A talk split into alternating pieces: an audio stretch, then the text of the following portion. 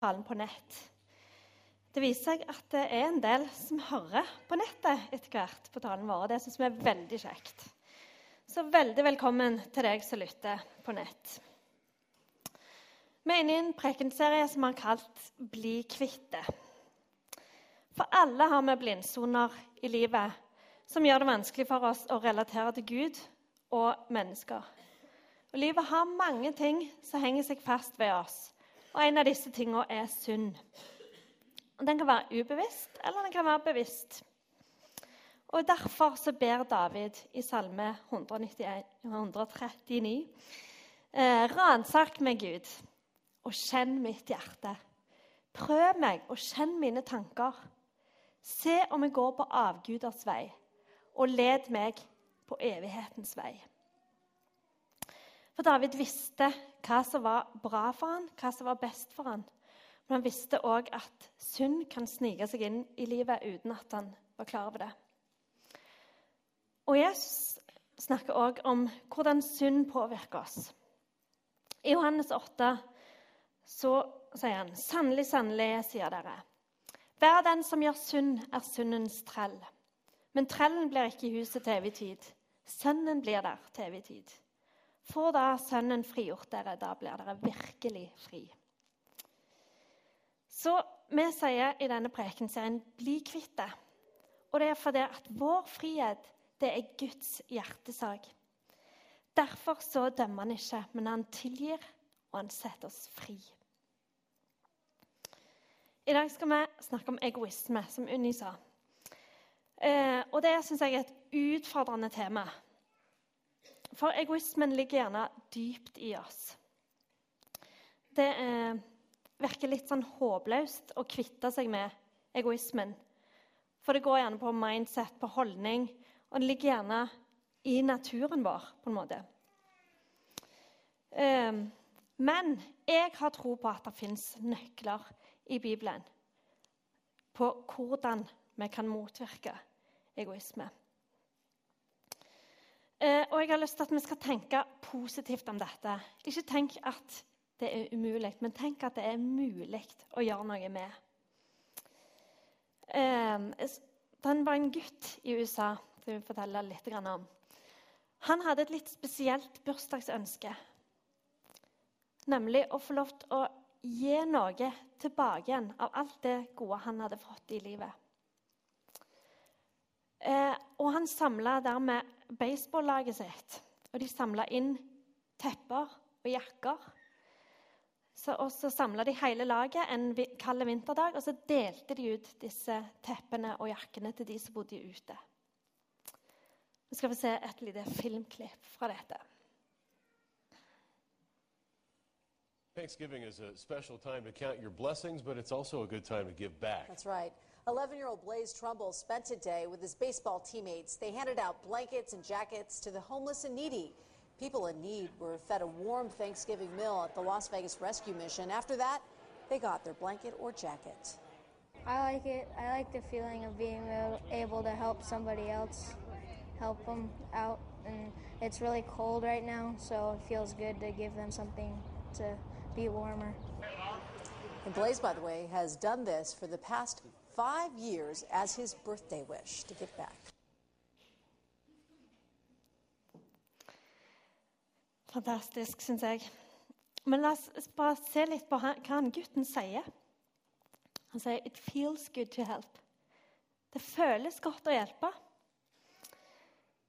Og det å vise godhet og bry seg, det kan virke, være tilfredsstillende for oss. Det føles godt. Og dette baseballaget, som de sa her, har gjort dette fem år på rad.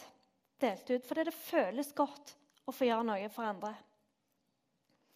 Så hva hvis vi kan gjøre noe med egoismen som er bra? Snu det negativ, negative med egoismen til noe positivt. Jeg strever med egoisme hver dag, må jeg innrømme. Jeg husker når uh, ungene var små, og de våkna på natta. Det siste jeg kunne tenke meg, var å stå opp og gi dem tutten eller skifte bleie. eller hva det nå var. Og Det som gikk gjennom hodet mitt da, det var dette. Inger, Bare ligg stille. Lat som du sover, så kommer Alexander til å ta deg hvert. Så hvor ble det av denne med å være lik Kristus og sette de andre høyere enn oss sjøl? Det var blåst vekk. Gone with the wind. Men i min trøtte verden så handla alt om meg sjøl. Eh, for jeg var steintrøtt på nettene, og det var slit å stå opp. Men nå eh, så har jeg, eh, har jeg, det sånn at jeg liker å jogge. Det gjør meg godt, både psykisk og fysisk. Så de morgenene når jeg har bestemt meg for å jogge til jobb, da spretter jeg opp klokka seks om morgenen uten problem. Så egoisme. Eh, og jeg husker også når jeg var student i Oslo, så delte jeg leiligheten med ei venninne.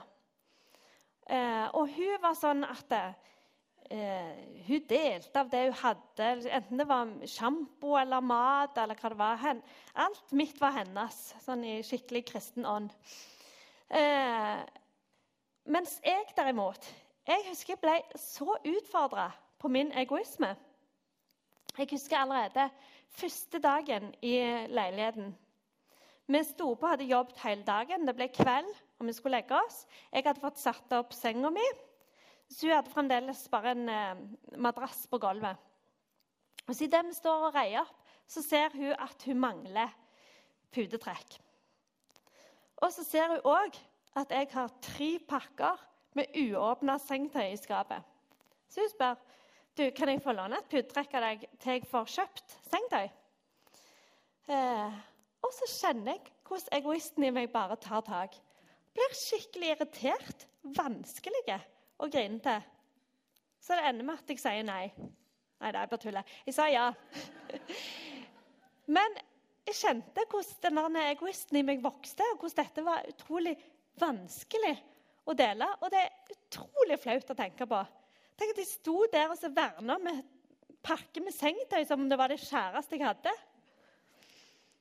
Egoisme.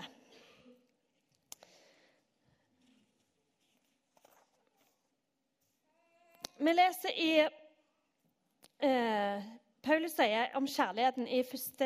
Korinterbrev 13, kapittel, nei, vers 5. Altså kjærligheten. Den gjør ikke noe usømmelig, søker ikke sitt eget, blir ikke bitter og gjemmer ikke på det onde. Han søker ikke sitt eget, mens i egoismen så handler alt om meg. Til dere som er gift eller er i parforhold, så kanskje den aller viktigste grunnen til problem i parforhold tror jeg er egoisme. Og Det kan òg gjelde vennskap og familieforhold generelt. Eh, men vi søker fortjeneste ofte i det vi gjør. Hvis jeg baker kaker for deg, hva kan du gjøre for meg da? Hva kan jeg forvente å få tilbake igjen? Eh, jeg tenker i hvert fall sånn hjemme. Og jeg kjenner at når eh, jeg vasker klær eller lager middag, så ser jeg gjerne og måler i forhold til hva min mann Alexander gjør. Så kan jeg gjerne konkludere med at det er urettferdig at jeg gjør mer enn han mens hvis jeg hadde vært oppmerksom på hva han egentlig gjør, så kan det godt være at det er omvendt. At det er han som gjør mer enn meg.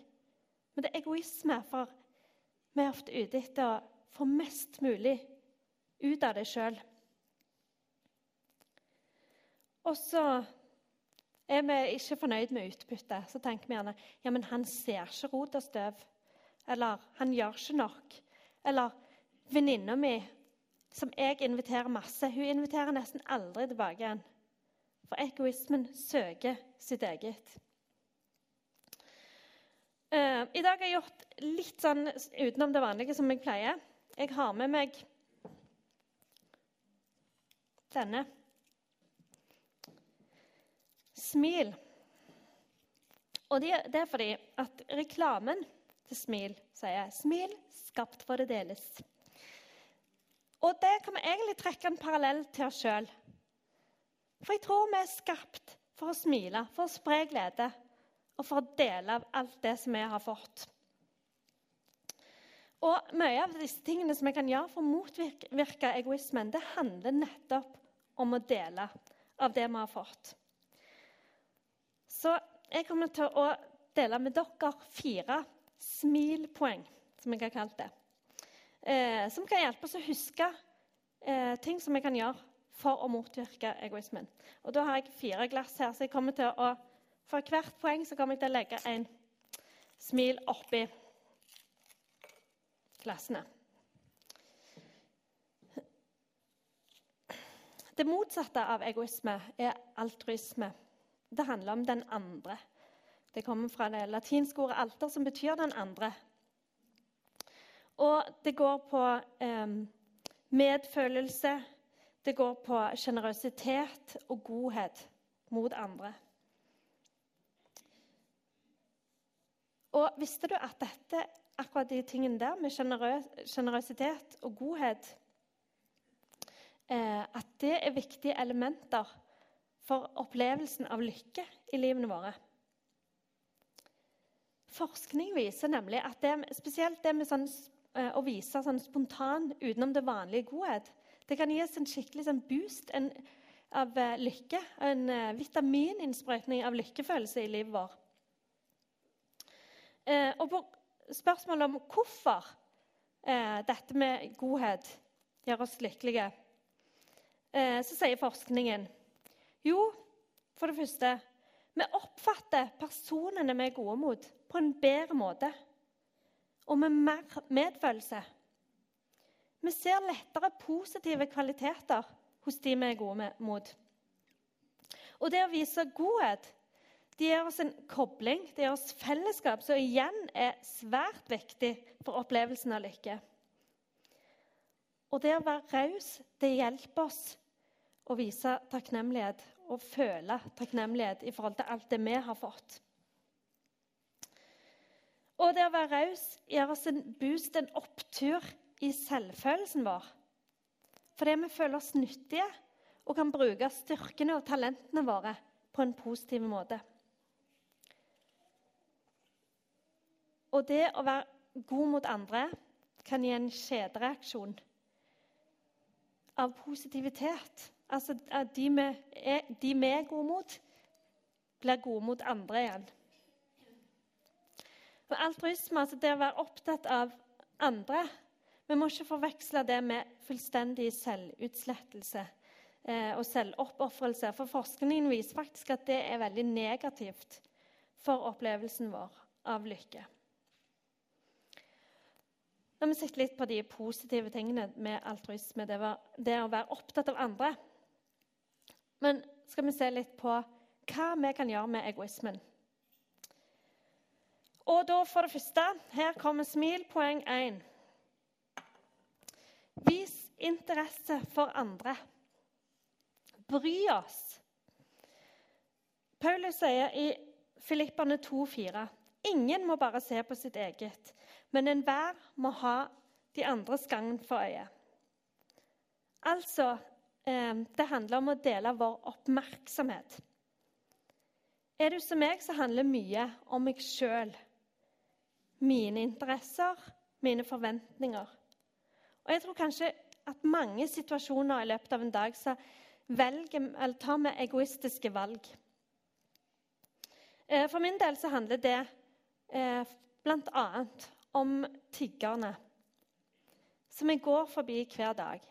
Noen ganger så kjøper jeg mat og tar med til dem. Andre ganger så gir jeg litt penger. Men for det meste eh, så går jeg forbi fordi jeg har hørt mye om bakgrunnen deres, og jeg syns det er vanskelig. Det utfordrer meg. Og det krever gjerne noe av meg. Så Derfor så velg, tar jeg det egoistiske valget å gå forbi. Det er det letteste. Når jeg var student, så jobba jeg frivillig i Maritastiftelsen i Oslo. På Marita kafé. Den ligger på Strøk i Oslo. En kafé for prostituerte og narkomane.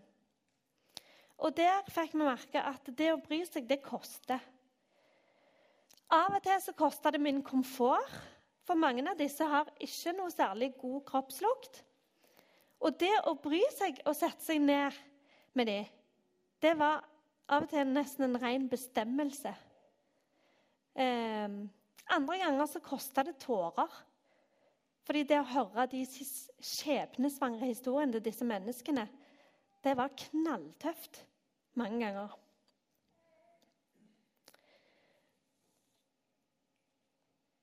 Men jeg tror for det meste i våre liv så tror jeg at å vise andre interesse eller oppmerksomhet, gjerne bare i fem minutter, kan være med å forandre oss og gi oss et bedre perspektiv. Å gi omsorg det kan være utfordrende, men desto mer givende. Har du f.eks. spurt han på jobben hvordan det går etter skilsmissen? Har du f.eks. spurt han du ser har det tøft, hva er det som plager deg? Har du sagt til hun som du syns er koselig å jobbe sammen med, hvor kjekt du syns det er at hun er på din arbeidsplass?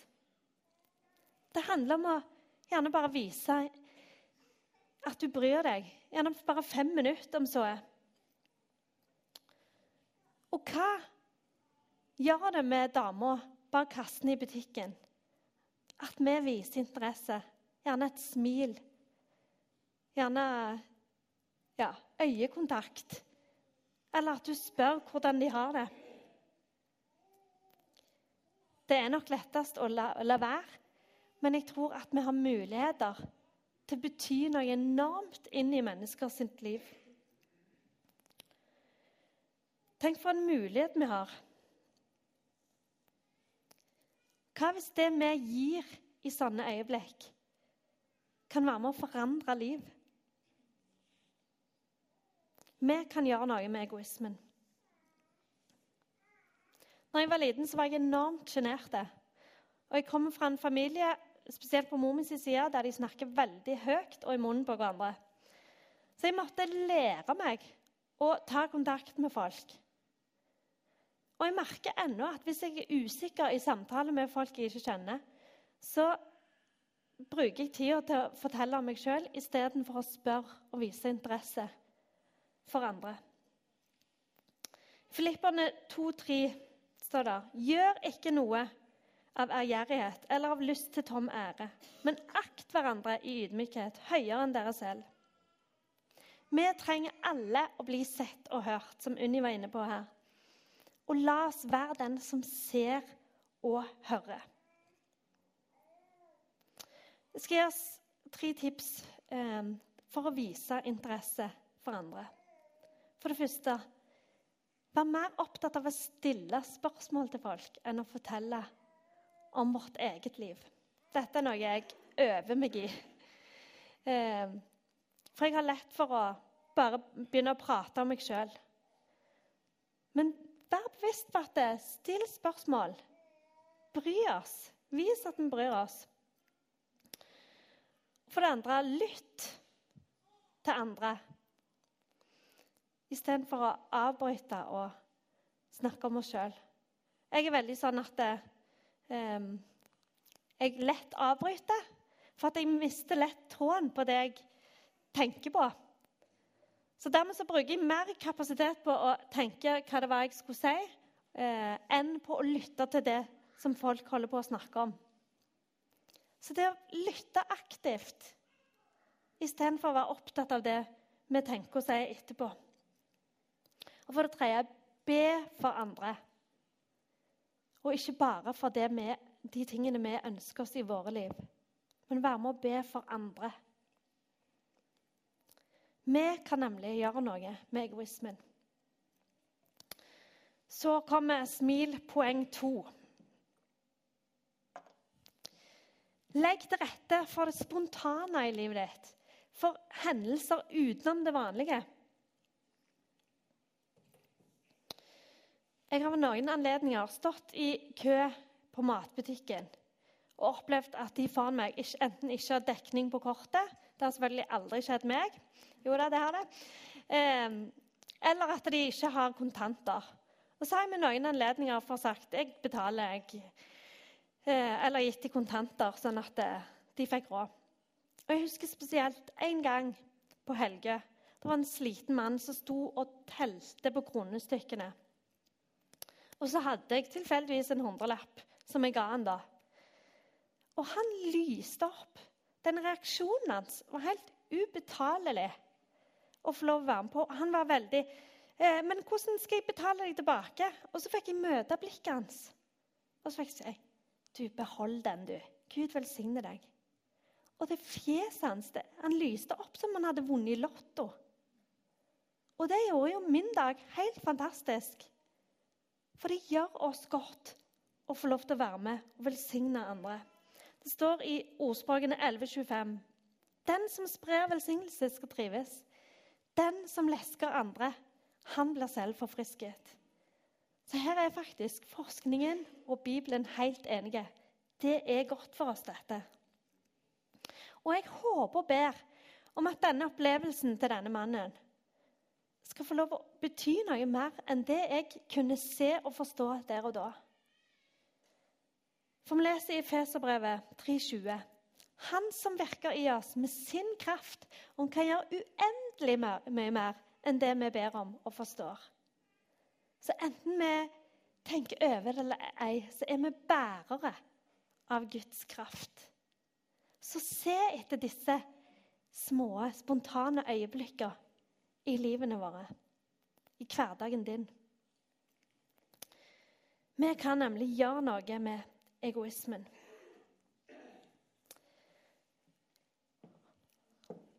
Nå er det smil poeng tre. Vær raus med pengene dine. Gi. Jeg tror dette er et kjempetriks som er med å kvitte oss litt med egoismen. Vi er blant verdens rikeste, og dette har vi hørt mange ganger. Og vi er gjerne lei av å høre det òg, til og med. Meg og Alexander vi kom over en velferdskalkulator på nettet. Og jeg vet at det er selvfølgelig ikke noe eksakt vitenskap. Men når jeg la inn min pastorlønn, så ble jeg ifølge den kalkulatoren en av 1,15% av verdens rikeste. Så dere burde bli pastor. Nei da. Men det gir oss bare et litt perspektiv. Og jeg har òg sett på en plakat eh, som florerer på Facebook, bl.a., som sier at hvis du har mat i kjøleskapet, hvis du har klær på kroppen din, hvis du har tak over hodet og et sted å sove, så er du rikere enn 75% av verden. Det er mye. Og hvis du har penger i banken, i lommeboka og litt ekstra, sånn at du kan gå på kino og se 'Twelve Years a Slave' eller Lego-filmen eller noe, så er du blant de 8% mest velstående i verden. Tenk så vanvittige muligheter vi har. Både økonomisk, men òg sosialt. Det er masse fattige folk i verden. Det er mange som trenger oss her. Og vi har muligheten med ganske, i hvert fall ganske lette midler å være med å snu gjerne tilsynelatende håpløse situasjoner til håpefulle situasjoner.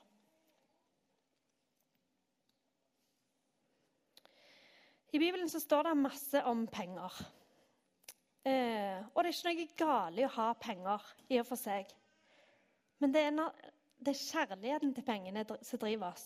Når det er det Hvordan kan jeg få mest mulig og nyte det best mulig sjøl? Dette kan være destruktivt for oss. Det står i 1. Timoteus 6,10.: Kjærligheten til penger er roten til alt ondt. Og pga. at de har de er pengeskjære, har mange forlatt troen på Jesus og voldt seg selv mange lidelser. Så vi ser at det kan være alvorlig for oss, dette her. Så la oss heller snu på det. Tenk på alt som vi kan få lov å, å gjøre, alle mulighetene vi har.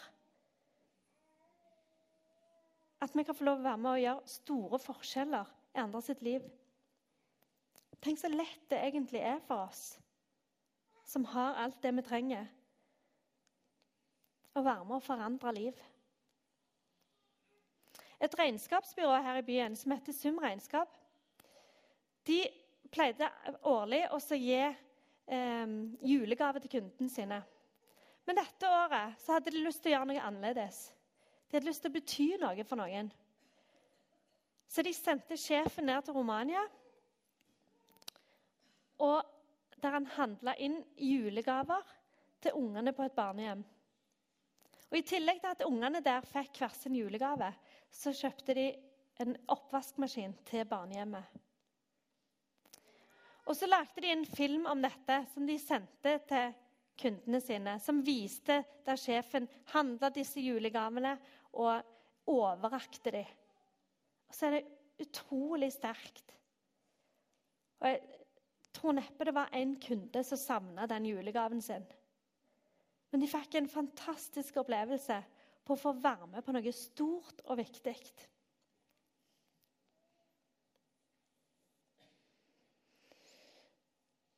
I Lukas 6, 38 står det Gi, så skal det bli gitt dere et godt mål. Stappet og ristet og overfylt skal bli gitt dere i fanget. Gi av pengene dine. Det er en av nøklene Jesus gir oss for å være med og kvitte oss med egoismen. Det gjør oss faktisk godt å få gi. Så er det smilepoeng fire. Og det er kanskje det mest utfordrende. Del troen. Matteus 5, 14 står det Dere er verdens lys. En by som ligger på et fjell, kan ikke skjules. Og i vers 16 står det slik skal dere la lyset deres skinne for menneskene, så de kan se de gode gjerninger dere gjør, og prise deres far i himmelen. Det handler om det lille lyset som jeg har, og det lille lyset som du har.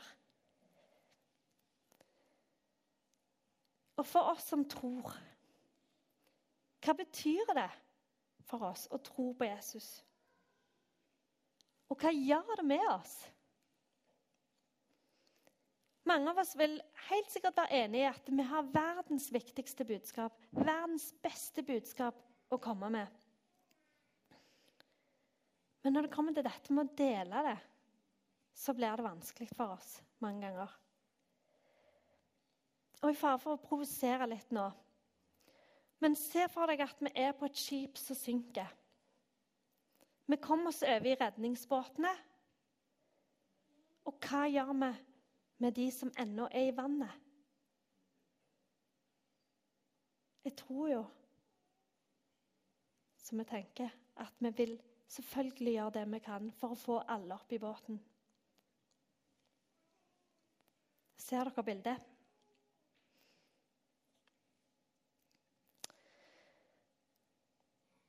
Det å holde troen for oss sjøl er i bunn og grunn egoistisk. Hvis vi tror på det budskapet som vi har i denne boka, så tror vi at Jesus kommer igjen.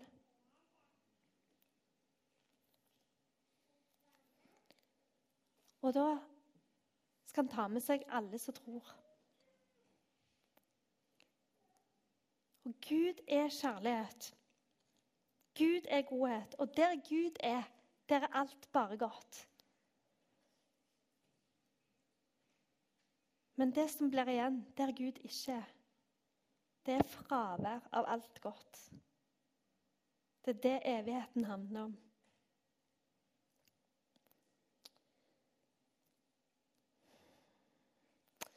Jeg vet at På vekkelsen på 30-tallet så vet jeg at det var en del type skremselsforkynnelse. Er du innenfor, eller er du utenfor? Mange ble frelst, men en del syns nok òg at det ble for voldsomt. Truls Åkerlund har skrevet en bok som heter 'Feil fortelling fortalt'. Og Det handler nettopp om dette at opp gjennom tidene så har vi gjerne ikke vært så flinke til å dele troen på en måte som mennesker forstår og tar imot.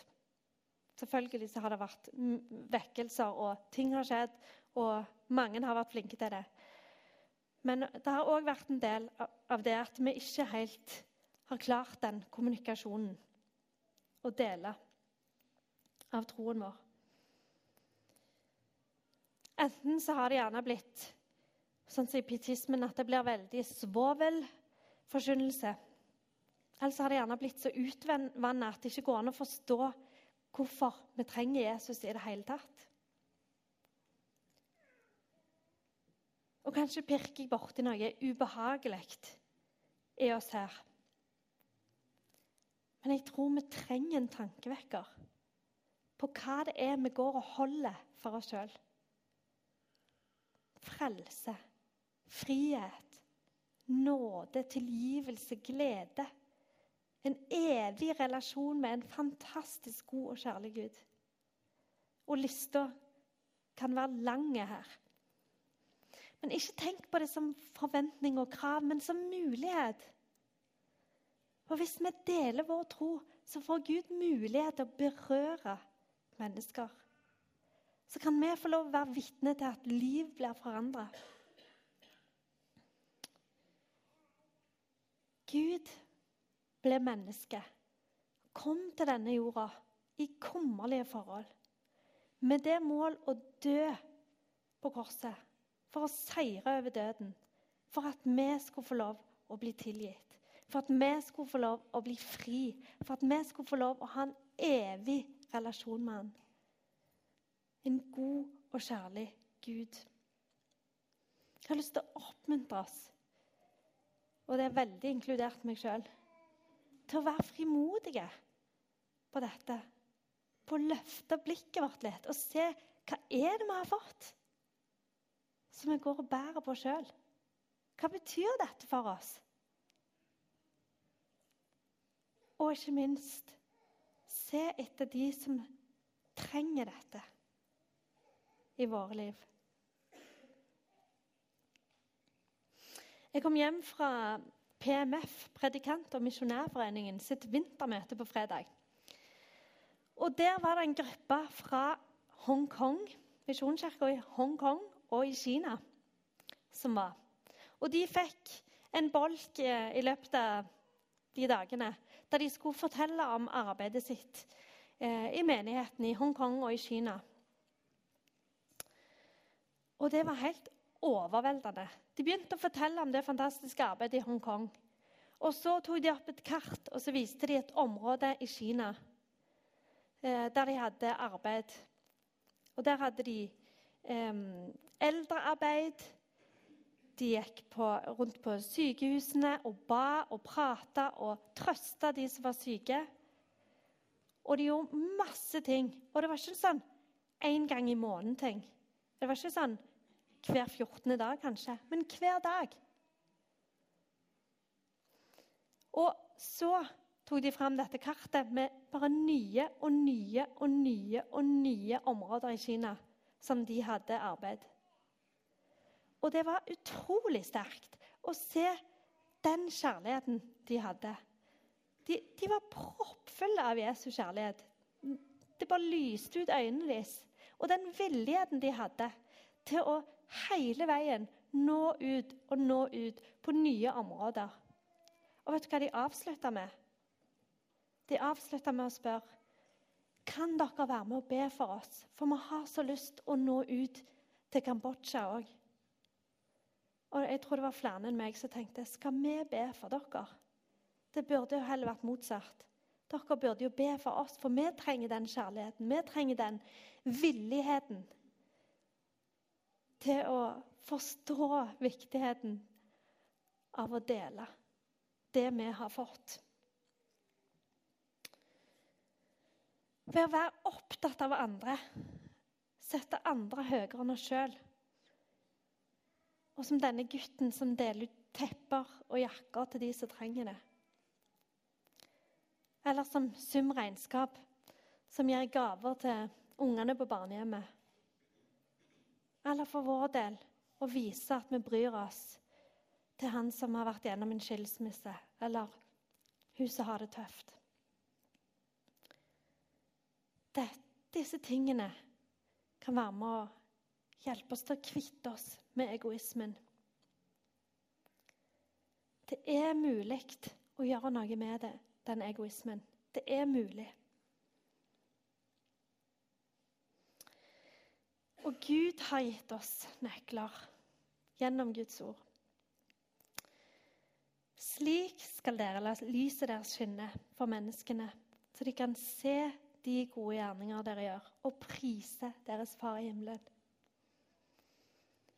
Bruk disse smilpoengene som en påminnelse på at det å vise interesse, det å legge til rette for det spontane, det å gi, det å dele troen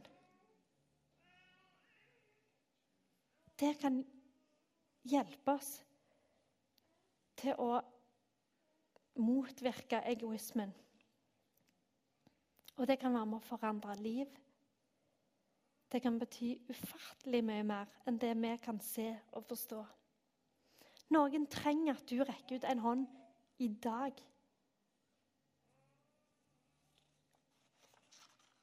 Ikke la frykten for hva andre tenker og mener og syns om det, hindre deg. Just do it. Del av alt det du har fått.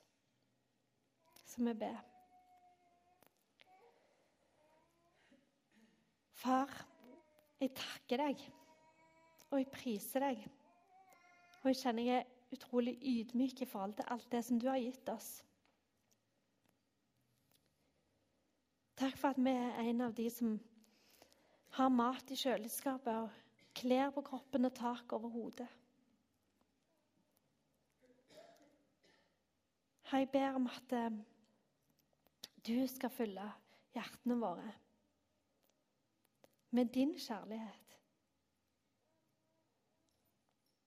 Jeg ber om at du, Hellige Ånd, taler til oss, Herre. Hver og en. Vis oss hva det er vi trenger å gjøre noe med. De små, konkrete tinga eller de store, omveltende tinga. Du vet det, Herre.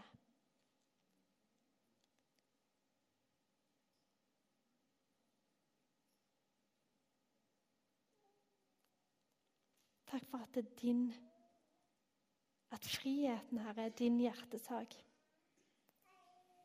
Vår frihet. Du vil vi skal være frie, Herre.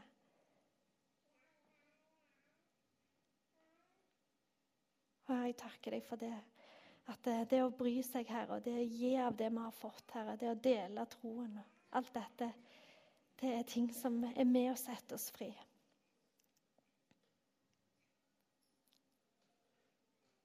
Takk for at jeg kan ha dobbel velsignelse, Herre, å dele. Fordi det gjør noen godt, men det gjør oss sjøl godt. Så jeg du skal tale til oss akkurat nå.